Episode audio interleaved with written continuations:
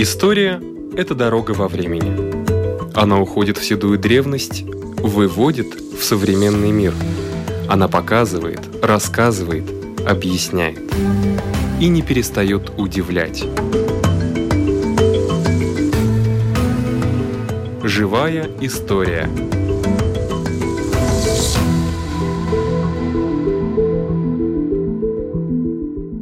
У микрофона Лидия Чера.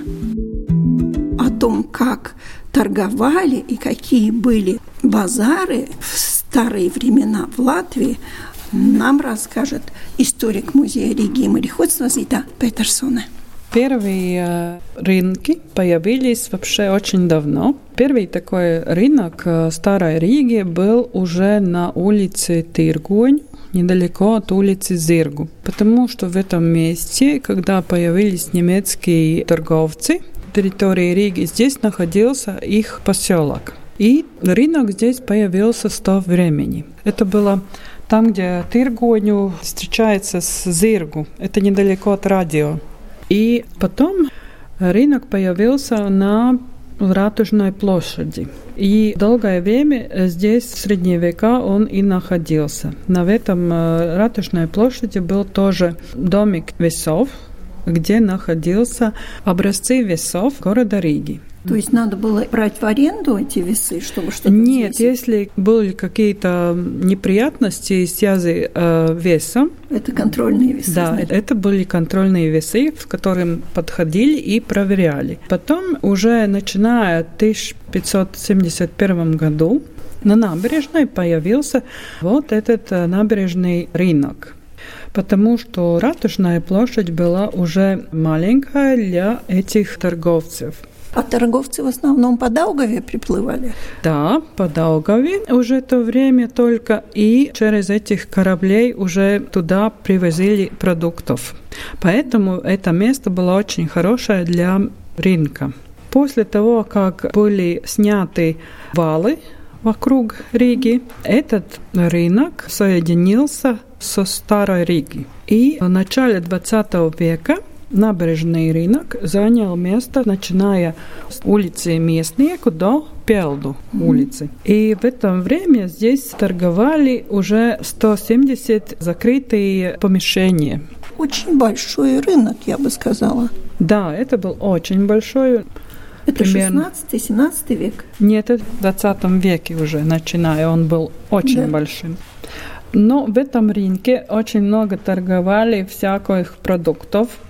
Там было место, где продавали мясо, продавали рыбу и всякие овощи и фрукты. И очень долгое время. Но оказалось, уже в 20 веке этот э, рынок не был хорошим, потому что там санитарные обстоятельства были очень плохие. И Крысы. не только крысы. Бывали летом не продавали мясо, потому что очень жарко было. И не было места, где э, его хранить. И холодильников не было.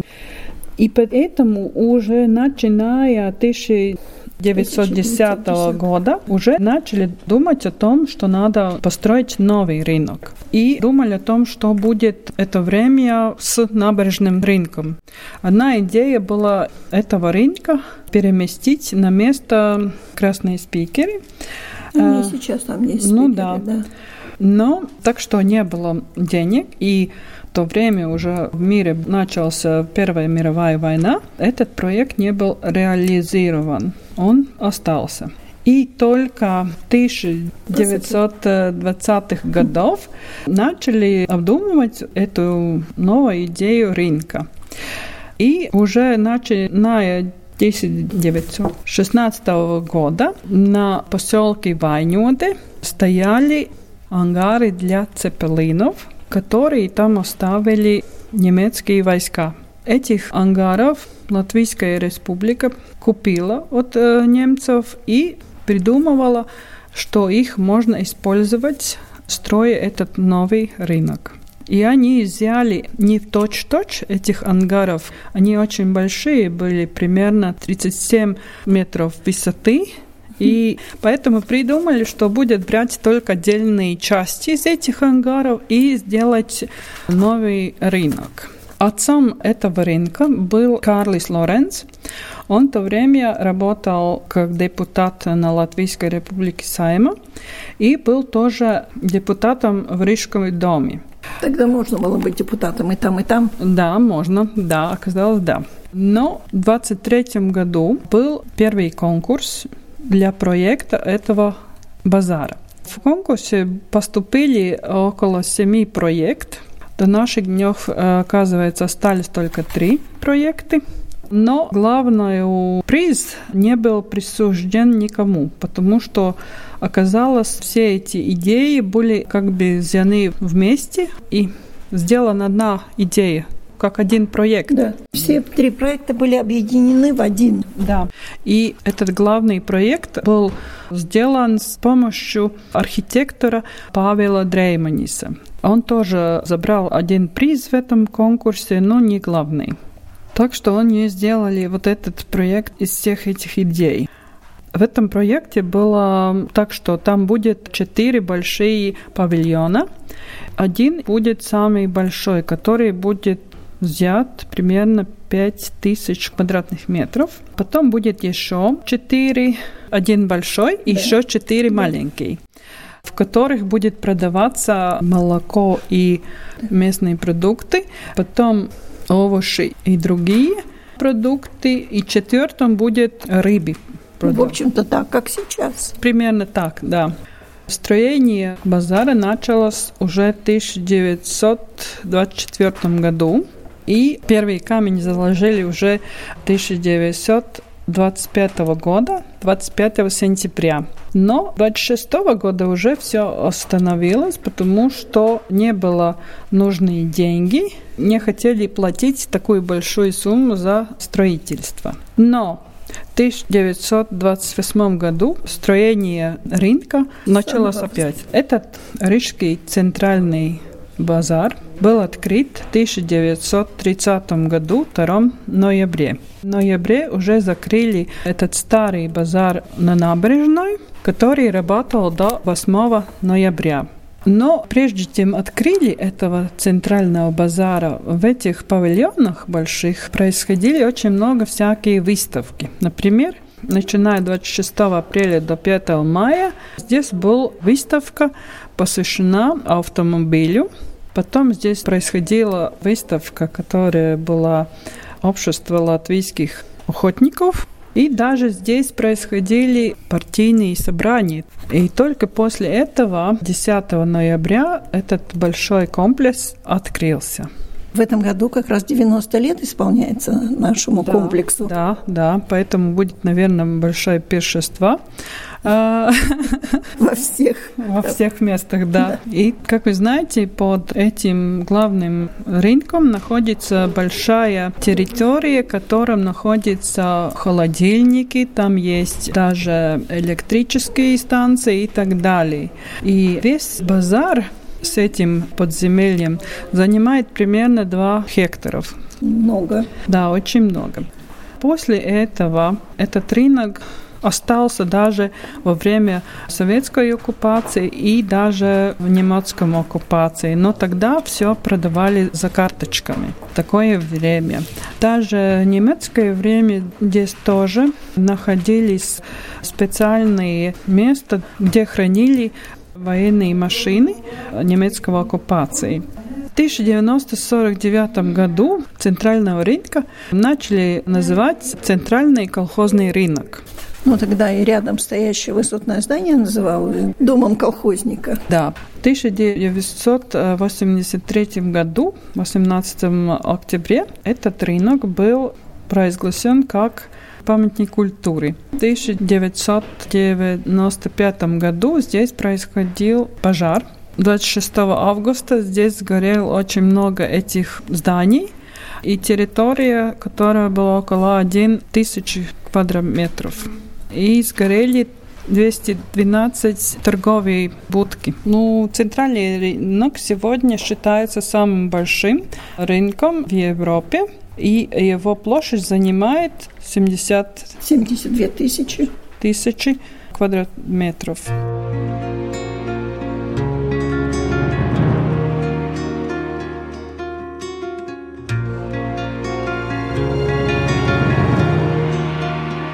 Историк искусства Байба Васка. Мы встречаемся уже второй раз, потому что вышла еще одна книга, которая по-латышски называется «Ротас un ornaments Латвия но бронзas laikmeta līdz 13 gadsimtam».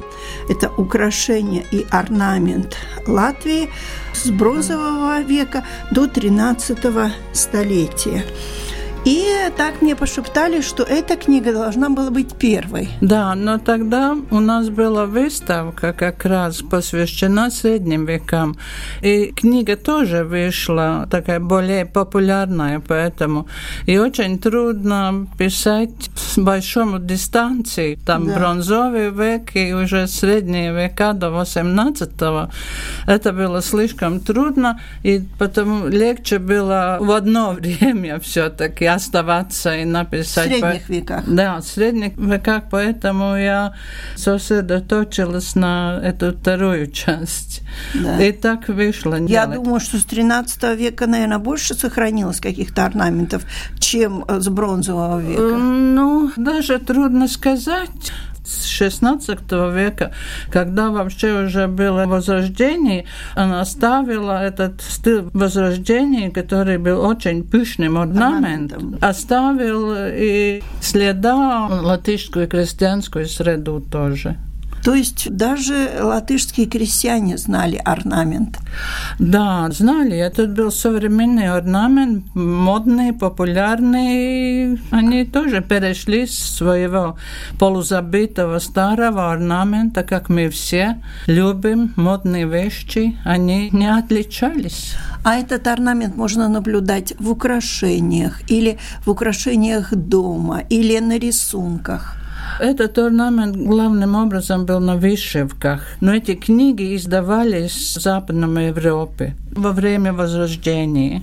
И тогда уже начинали печатать книги, и печатали книги, посвященные орнаменту, и такие листья с рисунками орнамента. Это в книгах были орнаменты? Да, в книгах или как отдельные листа. И это было для ювелиров, и были специально для вышивки тоже. И эти книги для вышивки, наверное, попали в поместья, городе, и оттуда дальше к крестьянам. А какой орнамент был самый модный во времена Возрождения? Виноградные листья? Были виноградные листья тоже, но там был очень много, очень пышный и такой своеобразный, просто неповторимый. А в этой книге что? А в этой книге с бронзового века до 13 -го. Ну, это более местный орнамент, но орнамент никогда не был так совершенно местным. Всегда откуда-то какие-то влияния появились и изменился что-то в орнаменте. Были такие мотивы, которые пришли почти с палеолита, когда еще мамонта бродили. Это то, что в пещерах рисовали? Да. И тоже был орнамент? Тоже был орнамент, и, и были украшения, орнаментированные украшения, браслеты с мамонтового бивня с свастикой.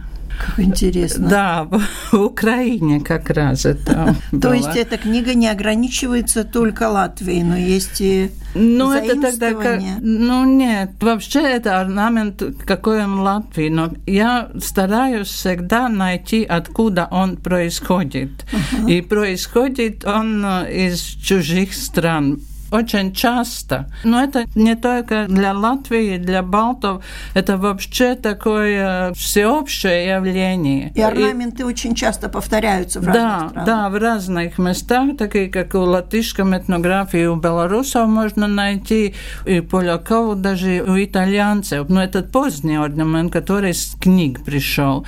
А и раньше было так же, только он перемещился не так быстро и не так сразу по всей Европе.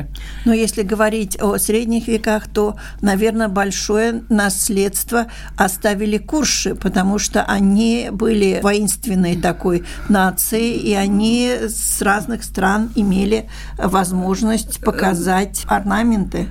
Да, у курши был довольно своеобразный орнамент, но самое интересное то, что он был главным образом на женских браслетах. Самый интересный орнамент куршей. А вообще очень сильно сильное влияние в это время оставил орнамент Скандинавии, потому что Скандинавы были те, которые были повсюду. В Западной Европе, Аравии. Там, те же викинги, да. Да, да, те же викинги. И с викингами действительно были контакты не только в России, но в Латвии тоже. Может быть, не так сильные, но ну, у нас есть действительно погребение викингов в Курземе. Да, есть. в Талсинском музее да, есть э, да, много элементов да, орнамента да, куршев. Да, и в Култиге. Но у нас переняли не только, который мы понимаем, как скандинавский орнамент, этот звериный стиль, но у них есть и такой геометрический орнамент. Ромбический. Да, и главным образом переняли этот, который более простой, который было легче повторять, и который по вкусу было больше. Вообще ромбический узор характерен даже и сейчас на зимних шапках женских. Можно их найти. Просто люди вывязывают такой ромбический узор и даже не знают, что он имеет такую историю длинную. Да, но ромбический орнамент, он очень, очень длинную историю имеет. Это женские фигурки, там видно, они из каменного века, но из ранней земледельческой культуры Европы. Есть такая трипольская культура в Украине. Такая, как эта культура в Украине, были по всей Европе. Это есть ранние земледельцы, которые пришли там с Анатолии, из Турции. Да. И поэтому считается, что это знак плодородия, ага. потому что он на животе женской фигурки. Так это были рисунки? Да, это была фигурка, а этот трон был рисунок. И он появился у нас тоже уже в каменном веке. Это черепок какого-то горшка и тоже тот же орнаментом, да. И считается, что это посеянное поле. Ну что ж, Знак. это я просто наугад открыла книгу, да. и госпожа Васка просто прокомментировала то, что я увидела на рисунке. Разные браслеты тоже с орнаментом, но браслеты вообще в основном с орнаментом-то бывают. Да, но эти скандинавские звериные мотивы с браслетов, которые потом перешли к Уршей. Это львы, тигры или да, львы. мистические? Нет, это львы, все. Это дракон, наверное, один. Да. Ну, этот очень интересный знак у нас называется Девзиме. Это знак Бога. Так его назвал Эрнест Брастинч но он не пережил 40 год от того, что он занимался с этими латышскими знаками. Но... То есть его в ссылку отправили? Нет, убили расстреляли. Ну, это его судьба да, тяжелая. Да, да. Потому что... что вообще знаки, мне кажется, ну, что там политика и знаки, ну, да, ну, наверное, но, имеет связь. Ну, это, я думаю, в таком смысле, что это было такое национальное, и чтобы истребить это а, национальное а, Национальность чувство. тогда не да. приветствовалась.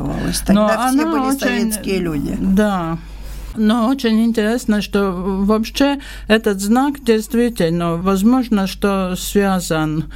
Это из очень древней церкви он появляется в Германии. И он дожил до готического искусства, когда он тоже появляется у церквах, у дверей, этот знак крыши. Конечно, у дверей церкви это же знак Бога. Ну да, да, или небес, или что, это возможно. Ну, я не могу этого утверждать, потому что нет никаких... Э, а это уже, собственно, куша эти браслеты. Попадаем на кушу. А нет. что можно посмотреть в Латгалии, например, или в Видземе? Здесь все по краям? Латгалии, да. Это земгалы. Какие красивые все эти знаки. Да. Писакты. Эти мужские. Браслеты мужские. Да. Такие тоже носили. А зачем носили. они для, для красоты носили тоже? Вот неизвестно. Они такие Или... массивные, может быть, они использовались как, и как ну да. Как ну, возможно, но, но это уже сплавы, тоже да? мы не, не знаем. Сплавы, да? Да, да. И это всякие плетение. А это из, уже из Византии такие мотивы появляются. Но это металлическое плетение? Нет, или... это как это подвеска, это брошка, а это как рельеф на, на этой старинной такая броши. Такие браслеты красивые. Да. А вот эти вот браслеты, которые сфотографированы, они из других музеев или они хранятся в нашем В большинстве музее? это все из нашего музея. То есть в запасниках вот такое богатство. Да, да. Богатый музей. Музей очень богатый. И главное, что он богат не золотом, златом, серебром, как говорится, а исторической ценностью. Да, но есть у нас немножко серебро тоже, но золота как будто нету. Они плохо хранятся, что ли, золото? Нет, я думаю, что слишком хорошо, и все ну, просто да. переделался и ушло. Но есть одной хроники, и мне кажется, что это хроника Римбета, но я никогда не помню точно. И там говорится, что у Курша было хорошие кони и очень много золота. Завоеватели, да. что Да, да, ну, наверное, я думаю, что потом немцы все отобрали. Ну да, это и немцы, как любая война, всегда забирает. Ну да, но они были крестоносцы, но они не столько принесли здесь христианство, сколько разграбили. Разграбили и унесли. Особенно вот эта книга, это, наверное, тот предмет сожаления, потому что наверняка было бы больше рисунков, да, больше да, было бы в фондах, если бы не такие печальные страницы истории латвийской. Это латгальский из одного погребения женского. Ну, не знаю, они действительно носили столько в разу. Ну, Сразу ну, не, на шее. Да, непонятно, но некоторые там даже исправлены уже были. То есть да. их носили все таки наверное. Наверное, Но носили. они же весили. Весили тоже довольно ну, я тяжело. Думаю, вот что этот, тяжело, например, да. тоже на шее такое да, очень, да, повесишь. очень тяжелые. Как они могли ходить, не знаю. Ну, они, наверное, там раз в 10 лет одевали, может быть. Мы когда делали эту первую книгу, и все это мы говорили между коллегами, что возможно, что это было так, как на свадьбе, что все, что есть, да. то на свадьбу надо на, одеть. Надо одеть всю. Ну, богатство на, показать. Да, да, да. А потом, может быть, хоронили в этом костюме невесты. Может быть, и, и она, тогда... может быть, целую жизнь пролежала, а потом да. только похоронить ну, ее, мы, опять так, же, одели так как мы невесту. подумали, ну, ходить так, ну, это почти невозможно. Я согласна, но в принципе народный костюм, вот тот же Курзамский, если посмотреть, он тоже тяжелый, там же сколько юбок. Нижняя блузка, верхняя блузка, на голову сколько одевали тоже. Как-то я была на экскурсии и смотрела, что это очень, ну, понятно, в Курзаме там хотя бы море рядом, сильные ветра, и чтобы были защищены. Наверное, повсюду ну... было. Просто в Курзаме они были богаче. А это время Латгали тоже были очень богатыми. Латгалы. Это, Латгалы, да. Это из этой Вилайны. Вилайна мы даже не переводим. Это шаль на плечи. Да. Вилайна. И она украшена бронзой и тоже очень тяжелая. Потому да. что большие эти орнаменты такие примерно на И тоже вот похож да, на свастику, да. да на Огунскруст. Да. А это, это уже бронза? Да, это бронза, это мужские украшения. Эти уточки иногда бывают и бронзовые, иногда из кости, но носили мужчины. Здесь заканчивалось у них... Камзол? Да камзол, и тогда вместо пуговицы они да, да, делали там были такую эти уточку. такие, но две они друг даже за не... друга цеплялись да, и держали. Да. Это сакты. Ну, сакты были давно, да? Да, да, да, они были давно. Но такие с X века с этими концами. Но это то, что я говорила, что приходит э, с Скандинавии. Но это как-то нам просто не связывается, что это из Скандинавии такая довольно простая форма. Но действительно так и ну, есть. Ну, скандинавы, они северный народ, там не должно да. быть виноградных листьев. Да, но это мужские. Женщины держались к старому обряду, костюму, старой традиции. Они не меняли. Ну, это так называемые военные или да. воинские браслеты. Сначала они были такими, а потом стали такими... Сантиметров семь. Да, это, шириной. Но это уже точно оружие. Да, и непонятно, как их надевали, потому что руку там не сунуть. Это только на пару пальцев, наверное, так одевали. Не знаю, на раз... погребениях находит на руке. Может быть, они действительно только тогда специально делались для похорон, потому что они все такие новые, не ношенные. На них не имеется никаких таких царапин, чтобы с топором или... Да-да-да, чтобы Нет. они участвовали Да, в боях, там еще не Нет, видно. Нет. Скажите, а вот орнамент, вы считаете, высококлассные мастера были, которые вот чеканили по металлу?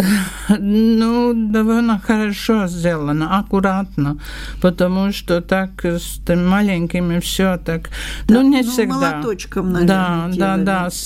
Калтинш, Ну да. долото, да? Долотой и Так, молоточек. Да, да, да. Ну, специальный, наверное, был какие-то конца, но... Интересно, были там уже вот профессиональные мастера, Думаю, которые да. Да, да, поэтому да. Такую не сделать. Не сделать. Просто не профессионалу не, Не- не сделать, так что обучались, Да, наверное. да, да. Люди обучались, и это, наверное, было достаточно престижной работой. Да, ну вот это очень Мастер. хорошая работа. Видно, как аккуратно все сделано. Да. Но не всегда, не всегда. Вы когда смотрели, то тоже как художник могли оценить. Хороший мастер это делал или так кто-то сам Да. решил что-то поделать. Да, и эти звериные головки, они действительно пришли из Скандинавии, но они тоже очень упрощались. Но там нельзя сказать, что всегда было плохо, тогда стиль может быть и такой специально упрощенный. Меняется Да, же. да, да. Бывает очень пышный, потом такой Не обязательно без повторять орна- то, да. что было, а делают что-то свое. Да. Вот они орнаменты еще. А это уже орнаменты чьи?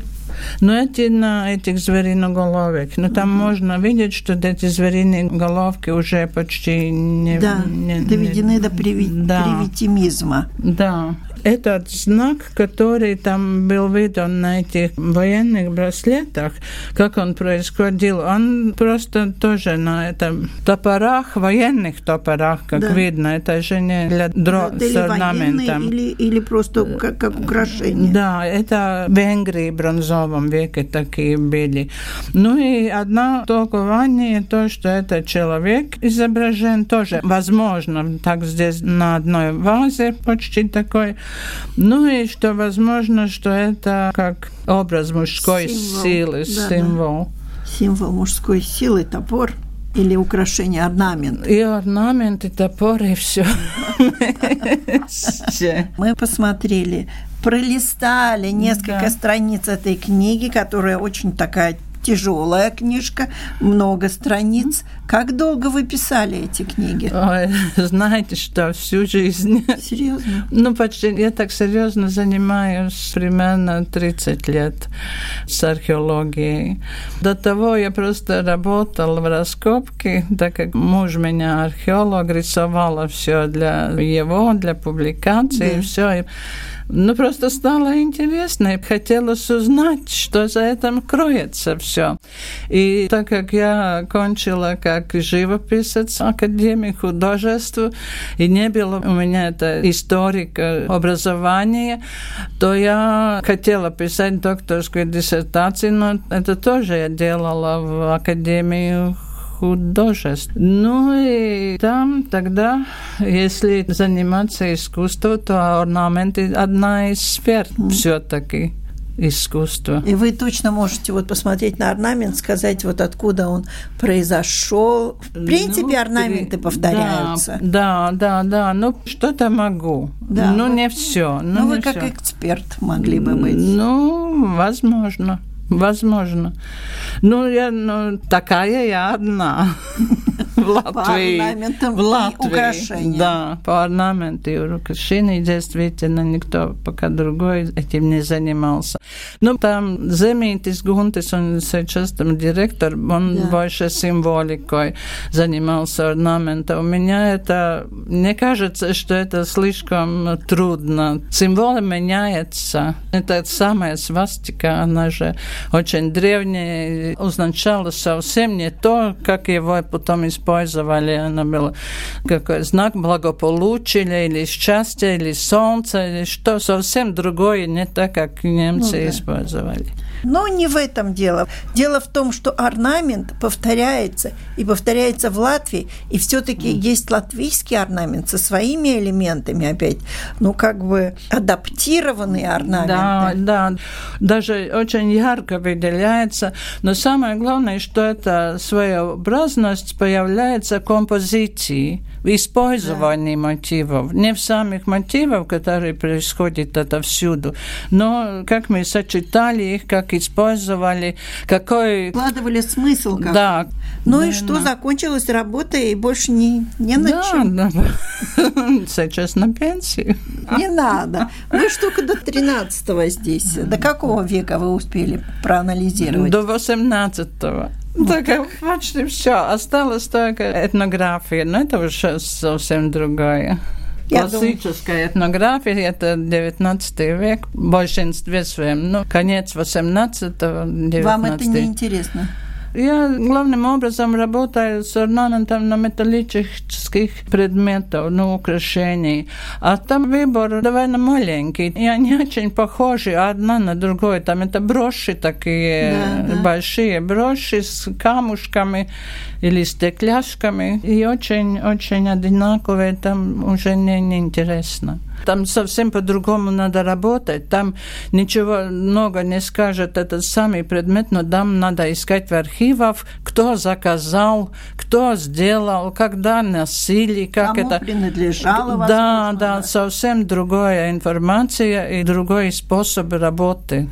Это уже не для меня. Я как художник смотрю, собираю, потом складываю, которые более похожи один на другому, потом думаю, почему они такие. Но это более немножко на криминалистику похоже, чем на работу в архивах.